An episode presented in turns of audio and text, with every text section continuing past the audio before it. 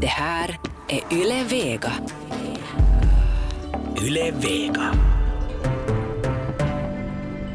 Hej och välkomna till Eftersnack. Det här är programmet där vi gör upp om veckan som gått. Jeanette Björkqvist är inkallad. Du har lyckligtvis hittat hit. Välkommen med. Jag blåste hit för att det blåser ganska hårt där ute. Det var ett enda gnäll igen på det här vädret när jag mötte dig här Var det? utanför. Ja, du har redan glömt för det kommer som... det kommer det som- bara kommer det är som automatiskt. omedvetet. Ja. Men jag är lite missnöjd med den här vinden för att det är ju egentligen så är här i södra Finland en väldigt vacker vårdag.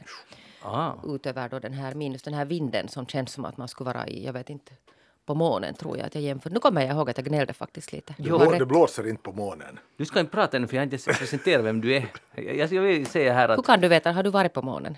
Ja, ja.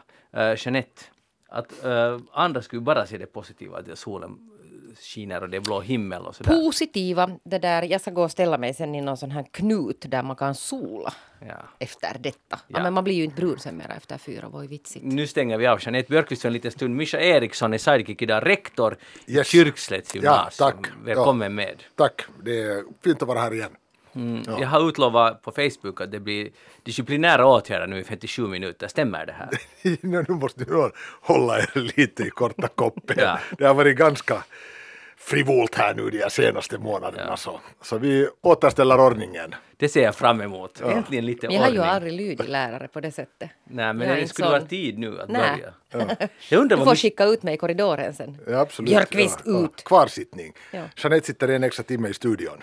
Trodde du ja. Jag heter Magnus Lundén. Program alltså Eftersnack där vi håller hård disciplin, stram disciplin, i i alla fall de gångerna så som nu Mischa Eriksson är med här. Vi ska tala alltså om veckan som gått. Eh, Då kan man ju inte låta bli att tala om Brexit. För i natt har EU-ledarna och lite mig däremellan att de skulle ha en arbetsmiddag och diskutera Kina men istället blev det en, en gång Brex, Brexit på tapeten och det där någon form av några tid har getts men endast med vissa ramvillkor. Och inte den som hon ville ha. Nej, så det, det går inte riktigt nu så bra för någon egentligen alls här.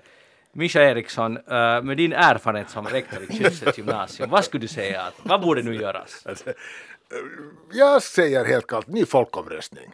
Det här är en jäkla förbannad fars som vi nu precis alla vet. Och jag gissar att ingen hade en blekblå aning om egentligen vad de röstade för då för några år sedan, 2016 var det visst, som då en mycket knapp majoritet körde igenom den här brexiten och nu när folk äntligen fått upp ögonen för alla de här populisttrunter som målades upp för dem skulle antagligen siffrorna se lite andra, annorlunda ut. Så stå ett kast, konstatera att ni har byggt upp hela den här sortin på ingenting annat än struntprat och fråga folket på nytt hur ska det nu egentligen vara efter att ni har sett det här, sått det som den här omröstningen ställde till med. Men det det, det, det, lite- det är mitt råd. Där är ju lite prestigefrågor där för att det har ju också ventilerats och det, det verkar nu inte vara en option. Ja, men, men då frågar jag här, ska politikernas prestige gå före landets bästa? Ja, det frågas i eftersnack. Ja. Nu undrar vi vad May svarar. Ja. Men det kan vara att hon nu svarar, för vi har ju försökt säga lite samma sak här flera veckor, men nu när du säger det, Ja. rektor, Ja, ja och, det. och så här tydligt. Ja, så här tydligt. Och det råder ingen tvekan. Jeanette, köper du äh, rektor Erikssons äh, recept? Nå absolut, men det där nu räcker det ju inte att jag köper det utan nu borde man ju köpa det där i Storbritannien också. Det var annars intressant för de EU, de som träffade mig i natt, så någon hade beskrivit som att det var hennes, hon hade hållit ett 90 minuter, eller hon var med i 90 minuter på någon sån form av möte och de hade frågat henne att vad händer nu och om det inte godkänns då och vad gör du sen och, och enligt någon hade förklarat att det var 90 minuter av ingenting, alltså 90 minuter av snömos. och det kan ju vara det är någon som inte tycker om henne och så vidare, det finns säkert många som inte gör det. Men alltså man börjar nog få lite den bilden också att, att det inte riktigt nu fixar sig. Okej, hon har ett bråkigt parlament men det är ju inte någon nyhet i Storbritannien precis och det där att det bara inte fixar sig nu på något sätt. Men, men Mischa, rektor, att Vi kan lägga bort titlarna, vi känner redan varandra. Det där, eh, ja, Mischa bara. Uh, skäggiga Mischa. Att uh, finns det inte risk ändå, för det är ju ändå det som är motargumentet. Hej, folk har en gång sagt sitt. Det må vara på falska premisser, för vem, vem definierar nu de där premisserna? Alla folkomröstningar, så någon alltid finns det någon form av pop- grad av populism en, om, en ja-nej-fråga. Så det är bara för att du tycker inte om det här svaret. Ja, nej, nej, inte nödvändigtvis. Jag tänker närmast på det här sättet att när man nu de facto ser på riktigt uh, svart på vitt eller uppdukat på bordet vad det här innebär. Vilka är då de här uh, non-Brexit-förespråkarna då tydligen inte gjorde tillräckligt klart eller vilka de här Brexit-förespråkarna då lurades kring back in the days. Så när då det faktiskt har blivit alldeles klart och tydligt vad det här innebär på alla olika fronter, både då de här följderna och de här kraven som EU kommer att ställa och förväntningar och icke-förväntningar, så inte handlar det om att rösta om och om igen tills man får det resultat man vill utan att egentligen helt enkelt fråga på nytt att hur tänker ni nu egentligen när ni ser vad det innebär? Mm. Det är intressant att det ska vara så mycket prestige för det, där, det känns ju som det helt logiska, så där borde man Mm. Nu när fakta är på bordet. Men konstigt att inte fan, fakta fanns på bordet då. Ja, antagligen just därför för att de här som inte förespråkar Brexit trodde att det här var problemfri res- omröstning. Att det är alldeles klart att vi blir kvar. Medan sen de andra passar på att ljuga så stopparna stod. Men det intressanta är ju också det här att följa med när man följer med den här diskussionen i Storbritannien nu. För att där finns ju den här då falangen som tänker att vi ska nog sätta den här EU på plats och på något sätt inte på något sätt nu vill förstå att nu är det inte mera de som sätter någon på plats. Att nu har EU, det är ett ganska stort organ, det är ganska många länder och man har jumpat alltså väldigt länge för att komma fram med till det här avtalet. Och att de fortfarande sitter där och tror att det är de som ställer krav. Att där är något sånt här gammalt stormaktstänk och de förstår inte själva att, att, att det håller, liksom, de håller på att förlora hela sin position. Men det är. Och det är alltså eller- otroligt ledsamt eller att följa med. för rätt så länge sedan Rule Britannia så är kanske inte riktigt mera det här. Nej men alltså du Nej, vet att där... jag, där är jag, förstår, liksom jag förstår vad du menar, ja. ja. Och samtidigt också, jag menar, det är ju inte bara Storbritannien här nu som tänker att de ska sätta EU på plats, utan det är lika så också EU som tänker att nu ska vi sätta Storbritannien på plats. Så att det här inte ett tre ska bli en vana bland alla de här EU-länderna, att de börjar ställa krav för att få vara kvar. Och vem som har mera större hävstång och mera pondus i det här sammanhanget, så det är nog definitivt E EU. Ju- Just nu, no, ja, verkligen. Just nu känns det ju som ingen annan är på väg. Alla ser hur jobbigt det är. Istället kommer man att, antar jag, populister och sen försöka förändra EU inifrån. Att eh, det verkar ju vara den där strategin. Och den har ju helt bytts på några år. Ja. Nu ska vi inte bort ur EU, utan nu ska vi ta över EU. EU. Och det, precis, ja, jag menar sen hur det lyckas, det får vi se vilka, vilken det där procentuella, procentuella andel- de här EU-kritikerna får. Det blir jätteintressant i nästa val. Men om man nu tittar på populistpartin överlag i hela Europa så mm, 10-20 procent tycks ju vara den här standardlinjen. Och, och även om de då får en tydlig röst där så får de åtminstone inte ett, en, det där, mm, en snära majoritet. Och jag tror att de blir ganska provocerade av det här hela Storbritannien, alltså Brexit-diskussionen också. För att nu ser man liksom på något sätt den här maktpositionen som EU har gentemot sen. Ja. Men, Men, men, det, men det här tyder ju också på liksom att för alla som sitter där ute och funderar på att rösta att det är ju väldigt, väldigt viktigt nu att gå upp i det här EU-valet. Och jag menar om man faktiskt är för EU, vilket ju då alla finska undersökningar visar, så då ska man definitivt inte släppa de här EU-kritikerna och, och det där, föra Finlands röst där. Ja, det är i alla fall ett val som är, alltså, just nu känns det som ännu viktigare än, Ja. än riksdagsvalet för Ja. mig. Klart, man, jag Båda är båda. viktiga. Ja. ab- Absolut, båda röstar jag. Synd bara att det inte blev av det här landskapsvalet som skulle, när det nu skulle ha varit, det var lite oklart, men att man rösta ytterligare ett val. Men att det blir inga val det. Jag undrar hur mycket pengar det gick i toaletten på de förberedelserna, men att det får vi kanske aldrig veta. Jeanette Björkqvist, har du tänkt mycket på Nya Zeeland den här veckan? Det var ju den här terrorattacken för en vecka sedan, eller en dryg vecka, nej, en dryg vecka sedan, ja. Och det där, eh, det har varit ganska mycket snack om det. Det har varit och ganska annorlunda nyheter man kanske skulle förvänta sig. Det var någon som sa att det där, tänk om de här våra politiker skulle ta sånt här andligt ledarskap där från, från liksom exempel därifrån istället. Ja. Ja, här har vi en eh, politiker för 1980, Jacinda Ardern, som vi har hyllat här i eftersnack redan för ett år sedan, tror jag, ett par gånger. Eh, hon hon är så att säga ganska modern och nu har hon då visat sig också på en sån här, alltså det känns i alla fall väldigt genuint det hon har gått ut med. Och hon har varit mycket sympatisk och bemött, bemött allt det här med kärlek men ändå med fast hand på några dagar få igenom nya vapenlagar. Och, och dessutom liksom sörjt och, och deltagit i de här sörjestunderna på ett otroligt empatiskt och sympatiskt sätt. Och, och, och, det blir en total kontrast. Om vi, förlåt nu än en gång, jämfört med Donald Trump och hon bredvid varandra. Hur man, hur man tacklar sådana här situationer som är ju egentligen omöjliga säkert att tackla på ett jättebra sätt eller vad, man, vad, man, vad ska man hitta på?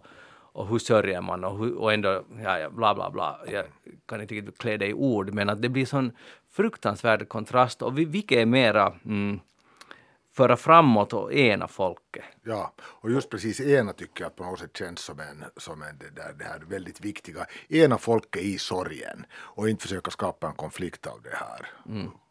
Eller, och hat, eller precis, ja, blåsa under en sån. Det, där, det finns en bra amerikansk term som heter being presidential som just handlar om det här att du liksom är en värdig statsmannaledare än, än det där jag vet inte om jag vill använda ordet folkets fader, men ni förstår vad jag menar. Liksom, den här som eller folkets moder. Eller folkets moder, ja, precis. Ja arkeater eller vad vi nu ska plocka fram här. Och det är ju på något sätt känns det nu att som trots hennes unga år, jag menar net, inte ens 40 år fyllda, som hon verkligen axlar den här rollen. Jag såg ett klipp här faktiskt bara tidigare idag från CNN där hon talar till, nu är jag osäker på om det var till skolungdomar eller i en skola. Och budskapet i det här var egentligen det här att, att hon inte ensam kan göra någonting utan hon behöver allas hjälp och den hjälp, det strå som de ska ta, dra, dra till stacken att de ska ta avstånd från rasism. Mm. Att det här, är, det här är vad ni kan göra och det jag hoppas att ni är med mig.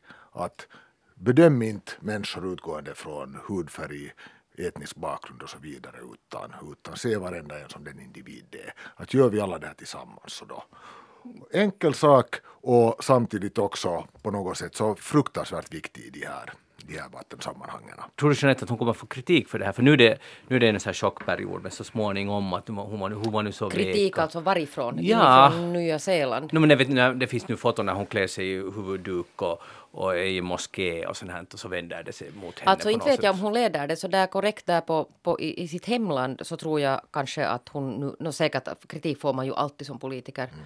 Men däremot kan jag ju nog säga att man sen ute i världen kommer att kritisera. En del gör det redan. Mm. I Europa till exempel. Men det är också frågan om vem. Jag menar, är det igen de här sekundära strörösterna, högljudda sådana, eller är det då faktiskt våra, våra det där missförstå inte fel, men riktiga statsmän som, som då liksom ser vad det här riktiga ledarskapet innebär. Mm. Men det är nog i sådana situationer som ledarskap testas. Ja. Uh, riktigt ordentligt och nu måste man ju faktiskt, uh, jag blir sådär, jag tänker ändå, det här är en fruktansvärd händelse men, men att, att det är inte ofta i dagens värld som en ledare väljer, låt oss kalla det försoning eller förena folk, mm. istället för att hej nu finns här möjlighet att dela folk ja. och, och, få mera stöd på Precis. min sida. Nu har hon valt liksom ja. en annan sida, en annan väg. Ja. Ganska imponerande faktiskt. Hej, jag skulle vilja diskutera Facebook lite, uh, sociala medier i samband med det här det här terrordådet. Så det var ju så att den här gärningsmannen filmade allting som vi talade om förra fredagen och uh, livestreamade. Och först, först gick Facebook ut med, och sen den här videon spreds och har kopierats på olika sätt så, det ska, så att inte deras algoritmer eller vad man ska kalla det hittar det och det har spridits och det har försökt tas bort och så har det spridits på nytt och så vidare och så vidare i alla fall. Och i början så sa Facebook, slog de ifrån sig att de har jättebra system för att stoppa sånt här och de agerar på alla sätt rätt. Sen för no, två, två dagar sen gick de plötsligt ut med att ah, okej, okay, att vi lite, vi klarar inte av det så bra som vi borde. Och så sa de det här som var intressant att om det här ska vara ett självmord så skulle vi kunna stoppa det snabbare. Men problemet är att riktigt våld påminner så mycket om uh, spelvåld. Mm. Och det finns så mycket spelvåld ute på nätet som alla ungdomar och säkert vuxna också mm. tittar på när varandra när man spelar. Och deras uh, programvara, man ska kalla det, kan inte skilja åt de här två. Så det kan, tolk, det kan ha tolkats som ett spel, någon spelar, istället för att det var faktiskt mm. verkliga livet. Och därför kunde man inte stoppa det. Medan däremot ett självmord, det finns inte sådana spel och, och mm. de kan stoppa det. Och det, det här förklarar de nu och det är ganska extraordinär, det är ganska otrolig förklaring. Och den är säkert sann. Men ja, tänk vad det, vad det berättar om vår värld. Det finns så mycket våld där ute som ser äkta ut och därför mm. kan man inte stoppa det som precis. är äkta. Här, här, är, här är ju två aspekter. Dels just precis den här uh, mängden av våld som, som då liksom fullständigt utan att vi höjer ett ögonbryn förekommer. Jag menar, antyds det en bröstvårta på en, på en det där ja. idrottsgala så då tar det hus i Häcklefjäll men, men sen däremot som sagt den här formen av mm, timtals av underhållningsvåld så det, det går ju förbi med en axelryckning. Uh, sen den här andra idén att programvaran för att identifiera en bild eller en videosnutt i dagens läge är så pass avancerad att de hade eventuellt svårt när den först kom ut att avgöra är det här det här spelet eller inte. Men när den väl är så att säga identifierad den här snutten så tror jag inte att det är något problem att filtrera den överhuvudtaget. Nej, nej, men det fanns ingen automatisk... Nej, nej, när den första gången kom ut. Nej. nej, men jag menar sen ska det inte liksom vara, hur ska vi säga, så vitt jag nu förstår av dagens teknik en stor problematik att liksom känna igen den varje gång för vad den är och förvägra den. Men det tog ganska lång tid för att ja. folk ju så att de kopierar den, så för de igenom den någon filter, filmar det från sin TV, laddar upp det på nytt så det finns inte något tekniskt som kan... Nej, men, men om du tänker igen på det här att jag menar med, med det där bildigenkänningsprogramvara så kan du plocka ut en människa på gatan i en, i en det där folkmassa. Mm. Så nu skulle väl ta med tusan kunna känna igen de här. Nej, men tydligen inte, för de sa det här att tror- jag folk, tror- jag tror- jag folk var så avancerade. Facebook, det brister på viljan. Ja, men Ja. eller sen brister det på det där att hur hög toleransnivå man har för annat våld. Ja, ja, för det här är ju intressant att, att Mischa, du är ju en, du brukar inte, du är ganska så här okritisk kan man väl nästan Ja. säga till spelvåld och så här. Du har, du har, Jo, no, okritiska kanske fel ord, men, men det där, eh, jag tror inte heller att det är, det är den där spiralen till, Nej, nej, till okej. det där katastrof heller. Nej. ja. No, men nu, nu ser vi ett, ett resultat, man kan ju verkligen inte skylla Facebook, det är ju inte Facebook som har gjort den här, den här massakern. Ja. Men och, och jag tycker att det är lite, på ett sätt lite hyckleri att nu alla är jättearga på Facebook. Mm. Men, men samtidigt så sägs det det att Facebook gör enorm vinst men de gör inte tillräckligt för att stoppa sånt här. De har möjliggjort, man kan livestreama vad som helst, måste de också ta ansvar för att Mm. stoppa det. Nåja, men nu har vi då den här situationen där spelvåldet stoppar, i det här fallet stoppar det. Ja. Så, så men, men, men vi talar väl inte bara här om spelboll, eh, spelvåld, överlag utan har vi inte den här diskussionen i princip nu, är Facebook bara en kanal eller är det en ett media, en publikationsplattform, vilken nu den rätta termen är. Det vill säga har de samma ansvar Men nu för tiden som- ser de att de är... Ja, exakt ja. Så jag menar, har de, har de en ansvarig utgivare som man kan ställa till svars för att sånt här kommer ut? Det är ju egentligen den diskussionen vi för nu. Det här är ett väldigt tillspetsat exempel på den här problematiken, men samma sak också för till exempel fake news eller uh, ärekränkning och så vidare. Vilka ansvar de bär? Jeanette, får du inte blanda bilden? Eh, Facebook hade skapat ett monster på ett sätt. Alltså både ett gott monster och en fantastisk möjlighet för folk att eh, kommunicera med varandra. Det finns ju otaliga goda saker med det. Men sam, sen kommer det här på köpet. Som ingen just, inte har ju någon tänkt sig att det ska, man ska Nej. skicka massmord live. Nej. Att därför skapar vi Facebook online, eller vad det heter. Ja, live. eller sen alltså överhuvudtaget, jag menar det här är ju liksom helt extremt det här med, med massmord live, men, men det här alltså hela den här hat på något sätt, industrin också som, som har exploderat alltså delvis via Facebook. Det är klart att det finns andra alltså kanaler också. Men alltså, men Och jag är helt säker på att det är just som du säger att det där att inte kunde man förutse det här. Och sen är det liksom jättesvårt att nu inte skulle jag vilja vara den som sitter här och försöker fundera på att hur ska man få ordning på det här. Alltså jag tänker på det här, jag menar Facebook är nu, vi, vi pekar ut den här och nu. Men det hemska är att jag vill inte begränsa till Facebook utan jag vill ju byta ut den termen mot internet. Att jag, menar, jag kommer ihåg för 20-25 år sedan när internet kom och jag var ju som ett litet barn i karamellaffären. Att, att herre så fint att, att nu kan man ha en nyhet och sen kan vem som helst kommentera den och, och det där ta ställning och rätta till den och så vidare. Som en god sak, att bara liksom ett positivt verktyg som där alla människor faktiskt vill förbättra det som görs och så vidare. Och det blev inte riktigt så. Det blir inte så, men nu, nu, det där är ju fortfarande sant Ja. om internet. Nu tycker jag att nu är det en fantastisk karamell. Ut, utan vidare, visst är det ju det, men, men att det liksom på något sätt så blir jag alltid lite bestört och besviken och också blåögd som jag är, att det fast, faktiskt finns folk som är beredda att på det här sättet nysa på smörgåsbordet. Mm, och förstöra. Ja, ja det, det, det är alltid lite så här, vadå? Att, varför ska vi göra så här nu då? Det är en, god fråga. Och, och det som är, inte en god fråga, men som är alldeles säkert att Jacinda kommer att få sig. Och nu kommer det, hon kommer att mockas för att hon är så mesig Men och varifrån svag. tror du att den där kritiken kommer? Ja, jag tror att den kommer från, eh, den kommer att komma från höger, alltså, alltså ra- radikala höger. Kommer Det alter, alternativa höger. ja. I Nya Zeeland eller i världen? I världen, i Europa till exempel. Ja. Att, de, de kommer att använda foton när hon har den här huvudduken. Se nu, att så här långt har den här Jo, islamifieringen av, alltså av väst där- gått. Men sen måste vi nog alla på något sätt det där, ta ett steg bakåt och fundera på att hur mycket alltså det där hur mycket värde ska vi ge åt sådana här Ja. utspel? För att det är liksom ibland så känns det som att det tar över alltså allting som att det skulle vara någon extremt, alltså jättestort fenomen.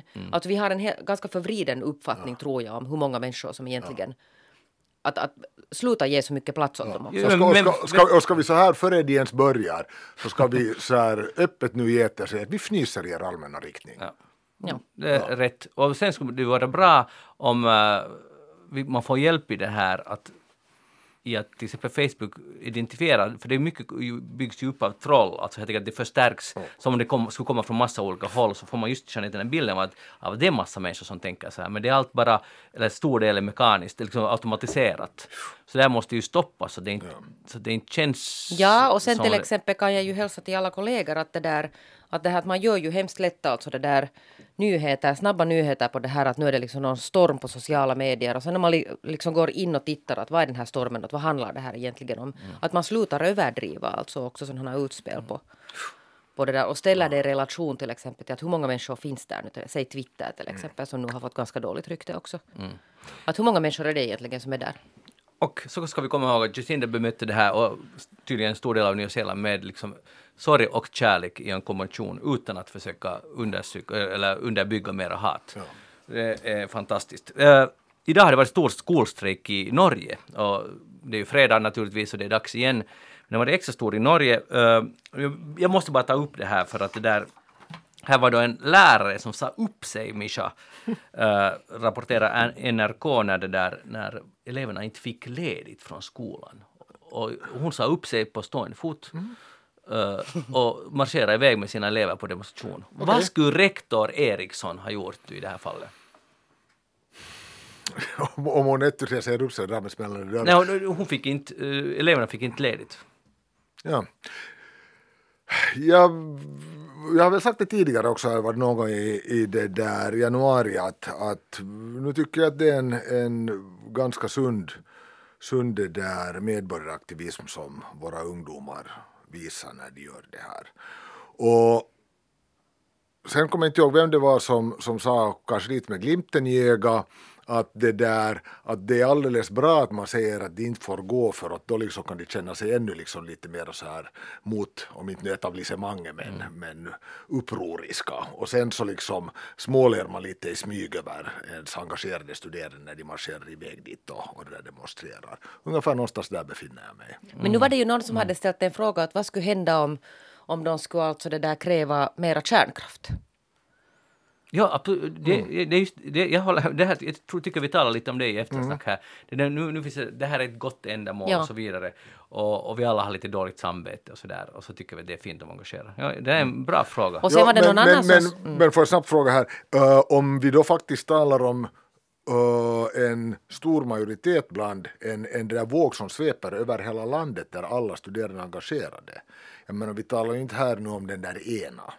Om vi då till exempel, om vi nu i det här fallet talar om den här klimatångesten.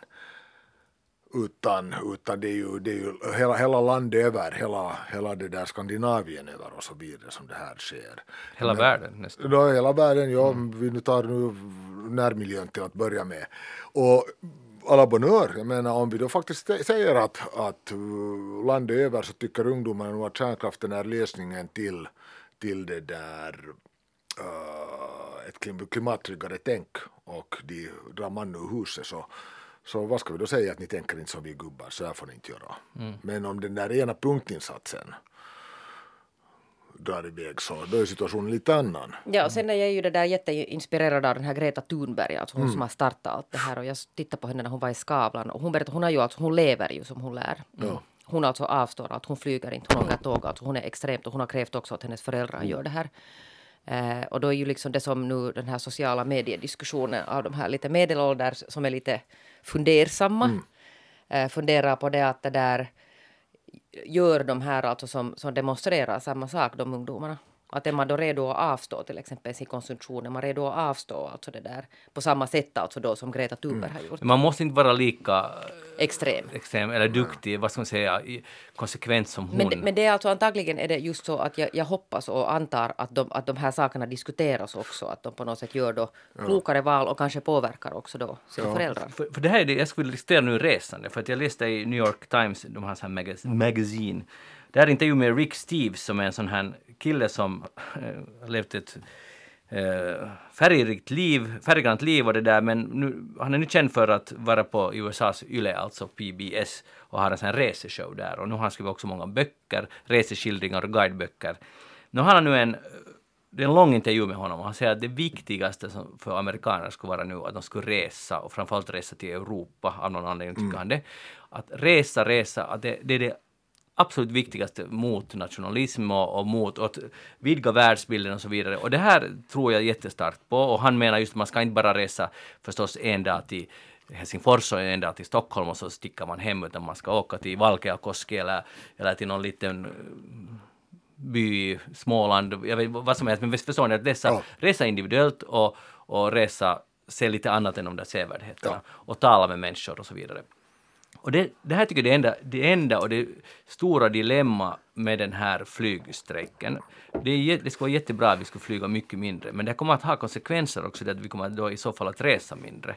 Och det där, jag tycker själv att man ska resa med tåg, det är på alla sätt mycket bättre, man kan träffa människor och så vidare, men kanske det inte alltid är möjligt att Och bara... det, och det har inte dragit en räls mellan New York och London än. Nej, men det går båt. Det går båt. Ja, det där, men i alla fall så, så, så, det, så jag tycker man ändå måste vara ärlig med att det här finns också negativa. Om vi bara, om vi nu skulle sluta flyga, så skulle världen förändras väldigt mycket. Det skulle bli renare, men det skulle bli så här kulturellt och vad ska vi kalla det? Jag tror det skulle vara ganska illa också om vi slutar resa. Det finns massa onödiga resor, massa affärsresor som inte behöver finnas. Man träffas för några timmar och så flyger man hem igen. Sånt håller säkert på att ta slut ändå. Jag, jag gillar det här nu, jag kluckar lite med låten, jag gillar helt objektivt sett det här att det där affärsresorna är onödiga men de där nöjesresorna så det är liksom de här som vi faktiskt ska ta fasta Så är det. Yes. Det här står jag fast vid. Ja, ja, utan, Ja. utan vidare, så jag, jag, jag, jag älskar den här vinklingen. Jag är Mm. på riktigt, jag har, jag har blivit klokare idag. Nej men jag känner alltså en, jag känner en kille som i tiden jobbar på, nu har han bytt alltså bolag i Sverige, som jobbar på ett sånt här internationellt bolag och det var alltså helt sinnessjukt de här alltså flygresorna han gjorde. Alltså det, var, det var helt galet. Alltså han satt i flyget alltså i stort sett hela tiden. Åkte till Tokyo vet ni, från, från det där Sverige. Satt där alltså just som du säger några timmar i någon sån här bunker nära flygfältet och sen iväg alltså med nästa. Och, och de börjar väl sen i något skede gå över till det här, insåg att man kan ju träffas på Skype till exempel. Ja, det finns en sån Det är Det är ju inte samma sak. För nu är det ju alltid bättre att träffa sina... Jo, men Ja. det där att man håller på, alltså de här kan jag ju förstå. Det, dessutom är det ganska betungande alltså att jobba så att du hela tiden ska sitta i ett flygplan. Ja. Men det är ju alltså så att nu finns det ju sen de här att man kan alltså föra in alltså det här att försöka alltså göra flygindustrin också mera miljövänlig, alltså biobränsle och vad Och det bränsleskatt, så Ja. att de tvingas äh, jobba på den där energieffektiviteten. Jo, jo, jag flyg- menar inte det är ju så svartvitt att, att det är mm, flyg gränslöst eller flyg Nej men och sen är det ju alltså ett faktum alltså det att om man liksom vill komma åt den här klimatförändringen så måste vi alltså börja avstå till exempel det. saker. Ja, och till, men det här är ju det resande som lyfts upp hela tiden. Jo, och det finns en jättemassa andra saker. Att det här till exempel som någon föreslår att man ska fråga då de här ungdomarna som är, som är nu där ute på, på gatorna. Att, att det där, är de beredda då att det där avstå sådana här nya telefoner hela tiden? Mm, det, och det är en berättigad Alltså, fråga. ganska- jo. Abs- absolut, ja. men samtidigt så nu är det liksom lite surmagat också det här att där sitter nu de här ungdomarna. Jo, men det gäller så, ju oss alla. Alltså, det, Jo, det liksom man ställer den här, men det är ju en sak som vi alla behöver. Jo, ja, ja, utan, frågan- utan, utan vidare inte kan vi ju bara liksom kräva utan att bidra Nej. därtill. Det, det är alldeles sant. Men jag tänker ändå att det är liksom nu sådana här surmagade gubbar som skriver insändare som säger så att vad står det där och marrar för när de inte är beredda att avstå från någonting. Ja. Att det är på något sätt att avfärda liksom den oro som de känner. Och det är ju lätt, det där, Ja, det, ja, ja, det där det- ger jag ingen respekt för. Nej, och jag tycker att man ska inte där ställa det heller sådär att vad gör de, utan det, är liksom, det gäller ju oss alla. Ja. Det här. Men, men ändå tillbaka till resande. Delar ni min uppfattning om att, att resande är på riktigt viktigt, viktigt? Eller är det något vi Ja. skulle kunna ganska mycket skippa i- för miljöns skull? Alltså nu finns det ju säkert många resor man skulle kunna skippa. Mm. Alltså det är vad man gör med de där resorna också. Alltså här, är- här är den här motfrågan sen. Vilken sorts verksamhet skulle kunna nå samma syfte som du nu efterlyser? Och nu kommer jag helt spontant att tänka på, ni har kanske följt med den Helsingin Sanomats den här där motpoler möter varandra, det här projektet som de har.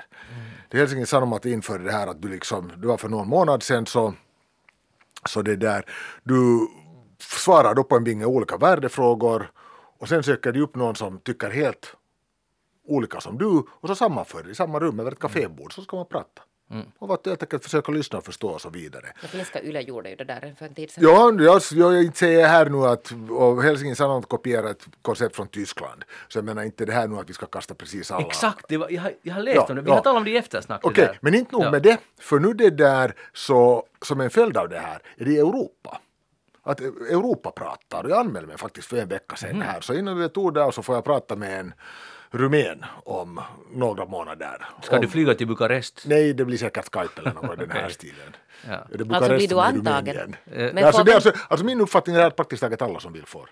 Nåja, Magnus. Suverän, det här tänker jag delta i. Ja. Jag vill också prata med Det, Europa. det var min idé. Ja, Bra Mischa, bra jobbat. Men, men för att ändå återkoppla till det här. Så jag menar, det här är ju redan ett sätt där då massmedier aktivt går in för att då försöka bygga broar utan resande. Mm.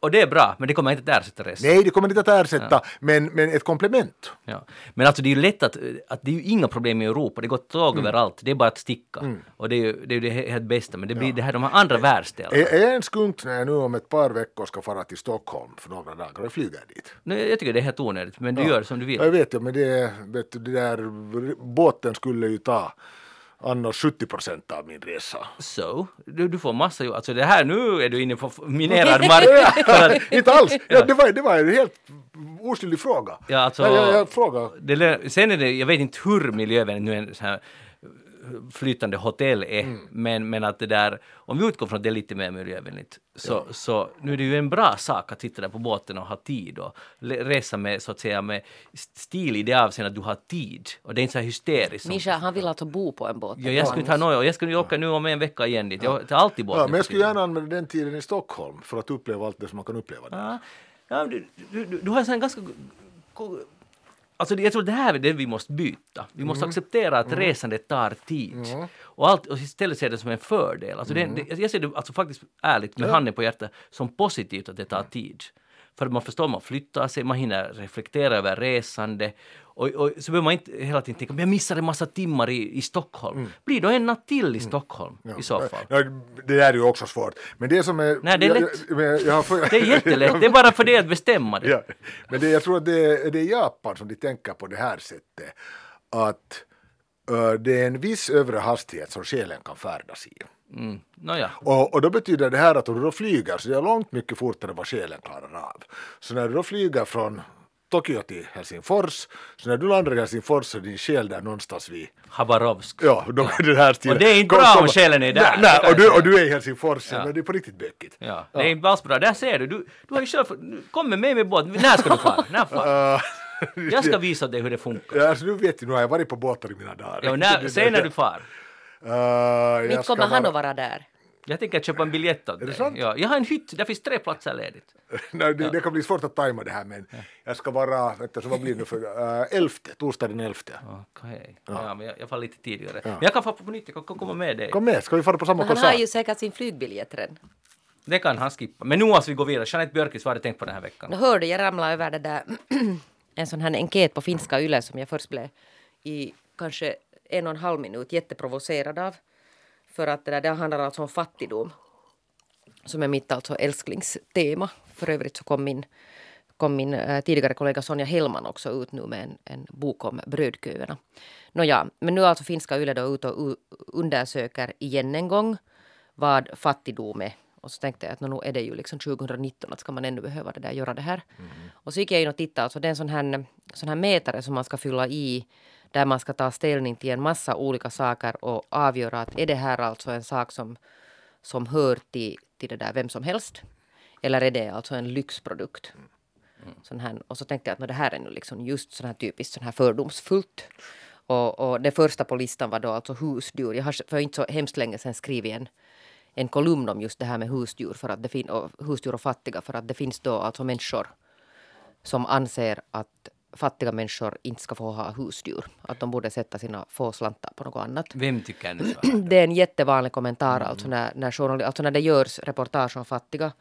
Hesari hade till exempel för, för några år sedan en, en fattig kvinna med en hund och liksom sen kommer de här kommentarerna. Det är alltid liksom det här att, att människor fastnar på bilden och så börjar man titta, men titta där är en askkopp, att varför röker den fattiga? Och titta där är ett en hund, att varför, varför har den här fattiga hund? Men varför ger ni, varför ger du, du sa just att vi inte ska ge betydelse till extrema och politiska Nej men det här är inte extrema, alltså, för, den här, alltså, för sen gick jag igenom alltså den här och den här är alltså en helt bra mätare. Alltså, det, det blev lite krångligt faktiskt för mig själv också. Sen, för den är ganska lång den här listan. Här är alltså den här som gymkort och husdjur och, och bostad och bil och, och en resa till Kanarien och vet ni kött och Eines produkter, grönsaker, nötter, eh, frissor. Alltså en massa sådana här vet, vardagliga saker som man sen ska på riktigt alltså fundera att, att var ställer man, att, vad, vad tycker man själv att Men att vara en sån här vad extra är alltså krydda. syftet nu med Syftet det här? är säkert antagligen, antar jag, att, att det där kartlägga vad finländare egentligen anser om fattigdom. Och det, och det är egentligen en, en helt bra, alltså ett helt bra uppsåt. För jag tror inte att man har gjort det alltså på det här sättet tidigare. För sen ska man alltså berätta hur gammal man är och sen ska man berätta hur mycket inkomster man har. Och så kommer de antagligen, om det kommer tillräckligt många svar, att kunna göra någon slags sån här eh, slutsats av hur ställer vi oss egentligen. Men jag förstår inte riktigt, för, att- för att funkar det inte så här, man har en viss summa pengar och så går man till frissan om man har råd att tycka att det är viktigt, man prioriterar det. Så man Jo, men alltså det är den här och, och det är relativ- väl alla människors rätt att göra Jo, som de vill. jo, jo, men alltså den här relativa fattigdomen är ju alltså sån då att det, där, det finns ju alltså sådana som också anser att om man nu då, alltså det finns relativt fattiga i Finland, 700 000 människor ungefär, massor av dem barnfamiljer, så anser man att de borde avstå i stort sett alltså allting. Att om du är fattig så ska du inte kunna ha en, en sån här smarttelefon. Men det är liksom den här, i den här relativa fattigdomen ingår det, det att, att, att man ska liksom ställa sig i jämförelse till eh, samhället i övrigt. Och jag menar de flesta utom Magnus Lundén, vilket inte beror på ekonomiska orsaker, har en smarttelefon. Och en massa alltså, samhällsservice har, har styrts över till att du behöver alltså ha man, någon form man måste ju ha det, Jo. utom jag. Och, det där, ja. eh, och då blir det så att om du, är, om du inte har pengar så kanske du inte har alltså det där heller egentligen råd att köpa den här smarttelefonen som du egentligen borde ha. Och, och då ska vi alltså som har det bättre bemedlat kunna liksom, att jag menar, vad, vad, vad tycker du själv att ska man kunna ha en smarttelefon om man är fattig? Alltså livets nödtorft i praktiken. Och sen, och sen, alltså och sen om, jag, om, jag, om jag ännu får ytterligare riffa virre på det här så, så jag antar att många andra också tänker på det här att uh, varför står du i brödkö när du har bränt pengar på frissan?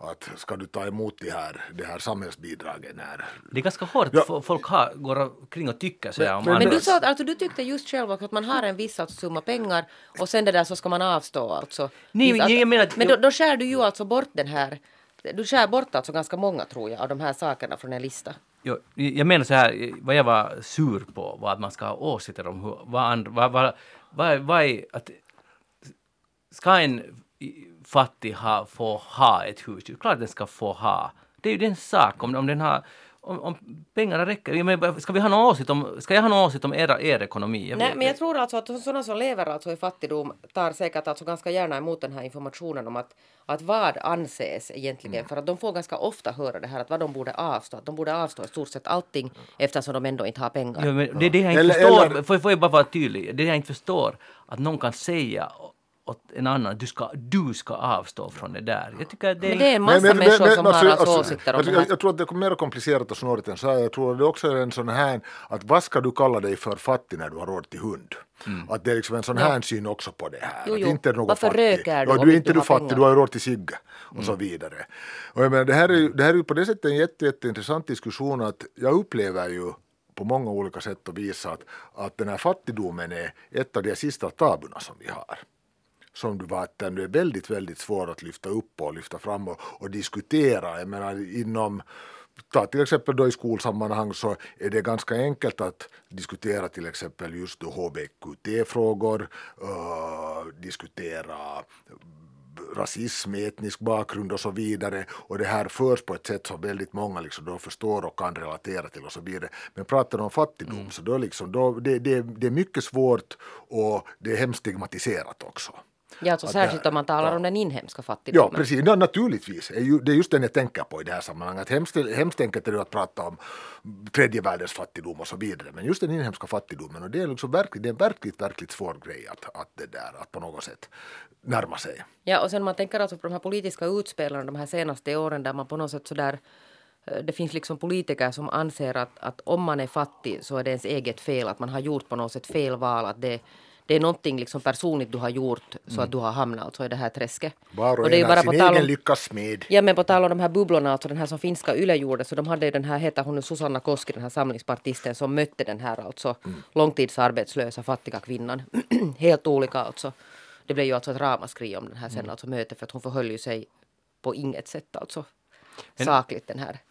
Nej, jag kommer ihåg det där caset. Men, men ännu den här undersökningen, eller vad man ska tycka till, så är syftet att fastställa på något sätt, i alla fall sådär inofficiellt, vad varje människa och familj borde ha råd med.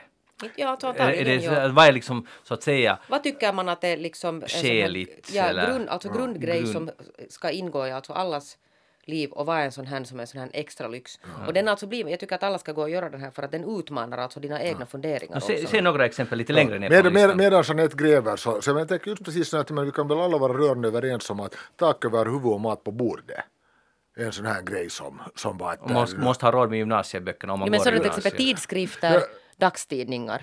Eller, eller tänk, tänk bara gymnasiet, uh, det där, gör det mer allmänt, andra stadiets utbildning. Ja, ja, jo, jag menar. Ja, ja, ja. ja. Netflix. Ja, förlåt. Ja. Nät hemma. Netflix, ja. ja. Specialkaffe på ett café. Drar du gränsen vid Netflix? Vad säger du? Drar du gränsen vid Netflix? Varför? Nu, nu, nu, Nej, alltså, alltså, jag- jag- jag- jag- jag- jag skulle säga Netflix är nu, skulle jag nu Jag skulle ifrågasätta. Jag hör till en, verkligen en normal, vanlig medelklass. Jag skulle säga att Netflix är en gränsfall. Att jag har ibland stängt av det för jag tycker att det går för mycket fyrt i allt. Och Spotify. Biobesök. Ja, det skulle jag också. Det, det är ju sånt som, men det, det är det att det, jag talar ju bara som medelklass vet jag att sen någon kommer jag igen att ha råd med det. Vet att, att det är så lätt att säga. Jag tycker att Netflix är en lyx. Och jag tycker också bio är också en lyx. Men däremot tycker jag en smarttelefon eller tillgång till nät och all den information all ser- myndighetsservice måste man ha. Alla måste ha lätt tillgång ja, till Men det. jag vänder på steken på det, står också bara nu för att vrida och vända på den här utan direkta åsikter. Jag menar, vi vet ju alla att gå på bio med hela familjen. 60 bucks. Och för att inte Mamma, mamma, mamma, mamma, pappa, två barn. 60 bucks för ett besök. Netflix, 12 euro i månaden. Mm. Kan man inte tänka här då liksom att det här är åtminstone någon form av, av det där kulturell upplevelse för som man väl unnar också den Mm. mest i största armod levande. Ja.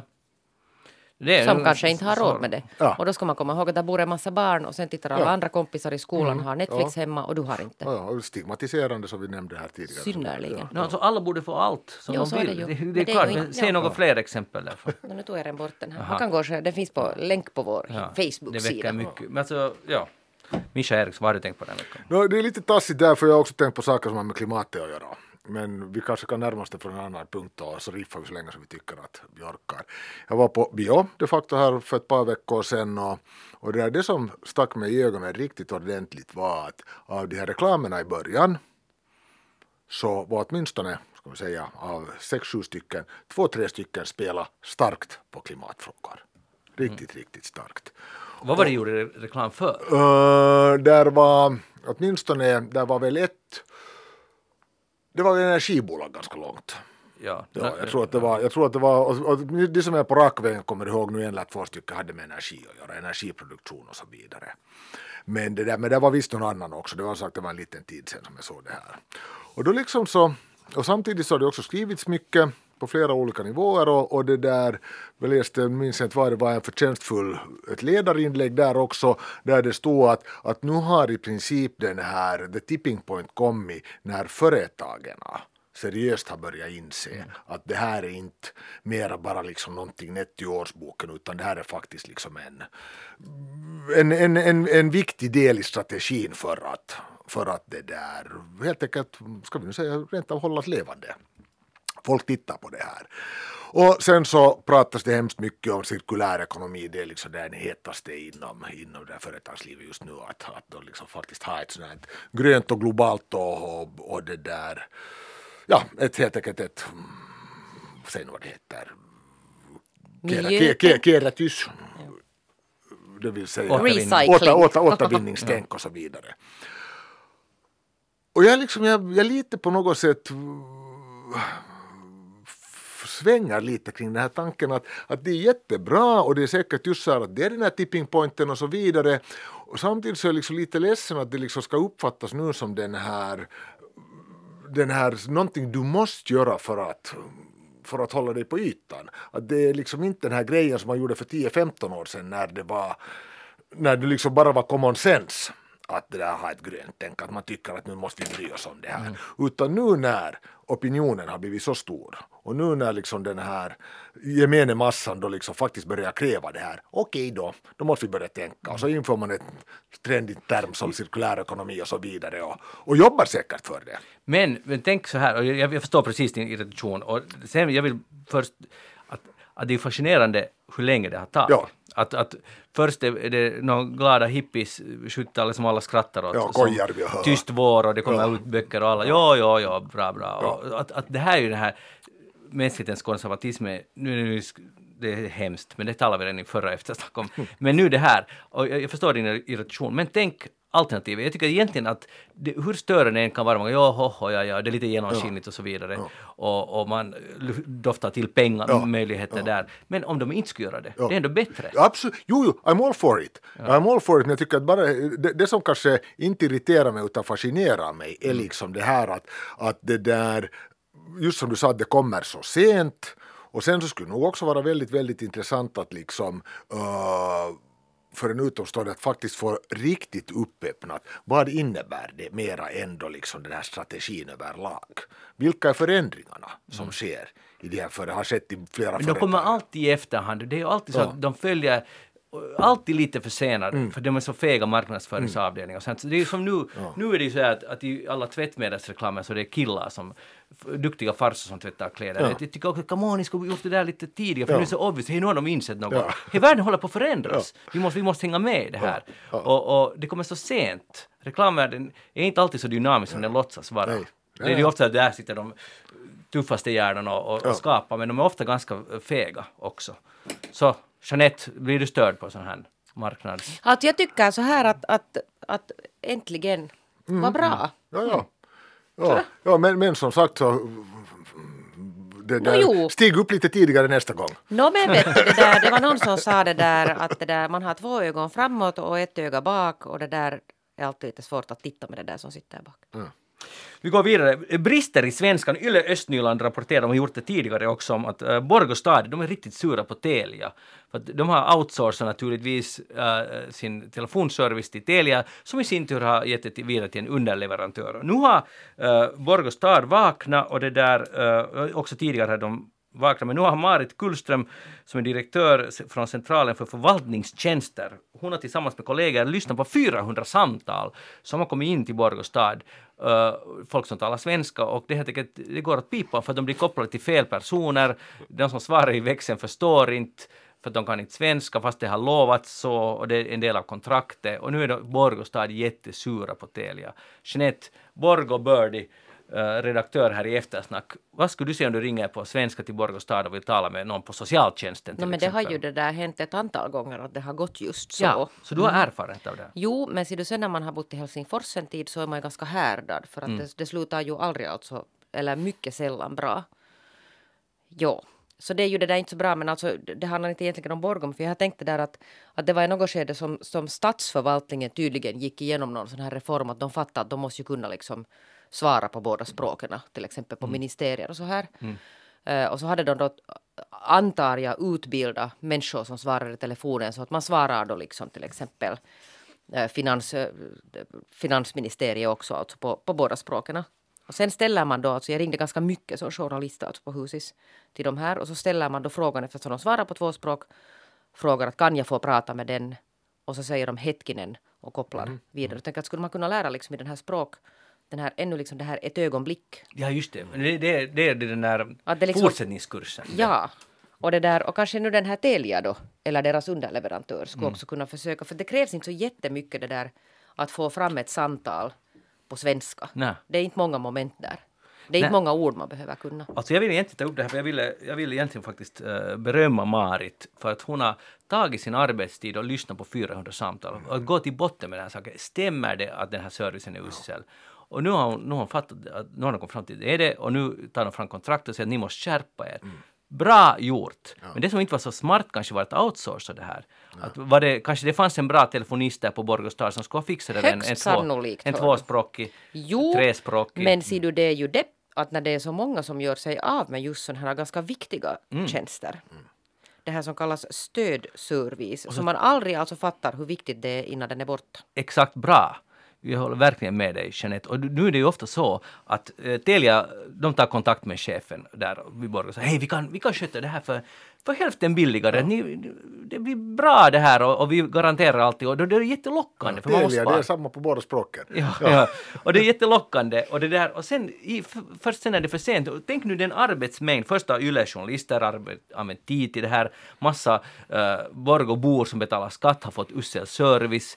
Plus att sen ska politikerna eller tjänstemännen reda ut att är det så här dåligt. Tänk all den här tid, det här efterspelet. Om man istället skulle ha Ja. Alltså jag sitter, just som du och Jeanette sa, jag sitter här fascinerad och funderar på hur denna Marit hur hon lyssnar på det här samtalet. Tror du att hon satt på den på sin iPhone och fot på länk? Ja. Eller satt hon liksom på jobbet och lyssnade i det en hel arbetsdag? Att Det räcker nog inte med en arbetsdag Nej, no, det beror på en minut samtal så det är sex timmar. Det är sant, eller så där man kommer hem och diskar så Ja, nu ska jag precis, lyssna lite ja, på ja, samtalen. ja. Det, Att- det där är en bra fråga. ja, jag att- hoppas Marit skulle kunna återkomma Ja, till efter. informera oss, ja, vi är på riktigt intresserade. Ja, det här och jag är alltså seriöst intresserad. Ja, ja. För jag, det var bra jobb och man ska ställa krav. Ja. Det var helt rätt gjort. Och hoppas det blir skärpning. Ja, de Ja. värden förutsätter vi. Speciellt du. Ja. Som var, och, och, vi förväntar oss nu omedelbar förbättring. Hej, eh, jag, jag har haft ganska stressiga veckor och månader. Jag har hållit på med ett jättestort projekt som nu blir färdigt på måndag. Och, och, ja, men alltid i något skede, jag vill bara öppna mig för, för eftersnacklyssnare, alltid varje gång jag har någon sorts stressprojektperiod, för jag, jag är en sån lite projektmänniska, jag älskar projekt. För, framförallt älskar jag projekt för att sen efter blir man fri. Förstår du? Det, det, man har känslan av att man har kontroll över sitt liv. Det är en illusion, men det känns så. För att sen är man ledig, sen är man fri och det är härligt. Nåja, men alltid i ett skede av, av sådana här processer så, så drömmer jag liksom en, man kan inte kalla det en mardröm, men en stressdröm. Och den utspelar sig, den har alltid har det med eftersnack att göra. Varje jävla gång. Och nu hade jag i natt sån, jag, jag, gap, jag vaknade och började gapskratta och, och, åt min egen dröm. Och det var så här att jag, var, jag skulle då naturligtvis hålla eftersnack och tiden är ah, knapp. Det är alltid samma upplägg, det är bara olika miljöer. Så jag checkar på klockan. Herregud vad det är bråttom. Ibland kan jag springa och klockan närmar sig 15.03, jag hinner inte fram med tid och så vidare. Men den här gången var det, var det så tajt med tid. Och det var så liksom paha att, att du Jeanette sa att du är inte med, att det, att det är för sent nu, att du, du, du är inte med. Och sidekicken har också försvunnit. Och jag springer och i någon aning hamnar jag till Haga, stadsdelen Haga i Helsingfors. Och så bestämmer jag att nu är det så tajt att jag måste ha en utesändning och det fanns en konstigt torg där som inte finns i verkligheten. Och så gav någon åt mig en sån bakelittelefon och sa att det är så tajt nu och du måste dra den liksom live i den här telefonen. så satt jag med en sån här svart bakelittelefon och försökte dra eftersnack men jag kommer aldrig ihåg vad jag skulle säga i programmet förstår ni. För mina papper fanns långt borta, det hela tiden upp ungdomar som liksom puffade mig från sidan. Jag försökte sparka bort dem, bort härifrån och dra mitt program och allt sket jag kom inte på någonting vad jag skulle säga. Det var jätte, jätte stressig situation. Jag Det förstår inte ren, riktigt. ren, ren, rama Buñuel-filmen. Ja. Men jag, alltså, jag bara undrar det för att de här projekten har ju aldrig med det här programmet att göra. Att varför kanaliserar du liksom din Visst det. frustration till det här? Att är det liksom den här konkreta på något sätt kanalen? Jo. Att vad skulle Freud säga om det här? Jag, jag vet inte och det är därför jag talar med er. För att det är alltid eftersnack och det är alltid det där klockan 15 Jag, tror- jag, jag, jag, jag, tror, jag tror jag vet vad det handlar om. Jag tror att det är på okej. det här sättet att, att det där eh, den enda fasta punkten i ditt liv är eftersnack. Är som, som, som ett urverk upprepar sig varje fredag. Ja. Och när projektet håller på att fara åt pipsvängen så är det din sista fasta punkt som Ja. liksom håller på att fara. Att till och med den till och med den liksom far åt skogen. Fast du har hållit på med det här i tio år. Så 14, liksom, så, 13 fjol- fjol- fast. 13 år. Fast du har hållit på med det här i över, över tio år. Så liksom till och med det greppet faller. Precis. Det, det, det är liksom nu ditt undermedvetna som säger att allt rasar omkring dig, till och med eftersnack. Men Magnus, Oj, vi skulle oj. aldrig lämna dig fast du skulle komma in 15.03.54. Usch, Vi jag skulle måste se det till min, min nästa dröm. Men det, är alltså, det kommer en gång per projekt där drömmen. Så det, det är inte så bra. Och nu tog jag det med humor. Och jag ska säga, det är inte lätt att dra en, en, en pratshow via en bakelittelefon. Det, det kan jag säga till er. Det är Ensam. inte- Ensam och inte veta vad man ska säga. Men jag, jag, det, det är något av ett sammanträffande. Jag tänker inte upprepa min dröm eftersom, eftersom det där, det, ingenting är så tråkigt som människor som berättar om sina drömmar. Tack för det. Ja, men, det, men det enda, så i alldeles korthet, hade jag i natt den här klassiska, ni vet när man springer oändliga korridorer. Jaha, det Ja, så. den ja. hade jag hade jag nu i natt. Mycket- någon dig? Nej, nej, nej, jag bara inte, jag var, skulle, skulle hitta fram på ett hotell. Ja. Ja, jag, så det var lite roligt, jag drömmer, eller jag kommer hemskt lite ihåg mina drömmar, men det var roligt att, att det där, vi är ett utlev på något sätt samtidigt. Jag vet vad, det, din dröm, det handlar egentligen om det att, att du ska inte nu flyga till Sverige, utan du ska åka båt, och där är korridorerna tydliga och raka. Och du ska åka med Magnus som har Till eftersnack. skillnad från den kringelikrokiga flygplatsen. Exakt. Det där. Bra, hej, uh, Jeanette diggar du heavy metal? Eh, Musik. Jo, jo, jo, jo, jo, alltså jag var ju hårdhävare när jag var ung. Väldigt ung alltså. Kan du nämna något band som du har lyssnat på? Nå, alltså det där Iron Maiden och sånt här. Just det. Ja. Okej, för nu Mischa, jag vet du är en Black Sabbath-fan Ja. i tiderna. Så nu, just nu, jag är förvånad att du är här, att du inte är på World Heavy Metal Congress som är London arrangeras över helgen. Vem spelar där? Det, där är massa band och de firar 50 år av heavy metal. För de har nu räknat ut att det är ungefär nu eh, Led Zeppelin, okej de är inte från England, men Black Sabbath och Deep Visst var Purple. Led Zeppelin från England? Black Sabbath och, Deep, ursäkta mig, Deep Purple grundades 68-69. Så det är nu 50 år Ja. sedan första Led Zeppelin-skivan utkom. Just det, Led Zeppelin 1 med Ja. Good Times Bad Times inledningsspåret. Och nu är det alltså stor kongress.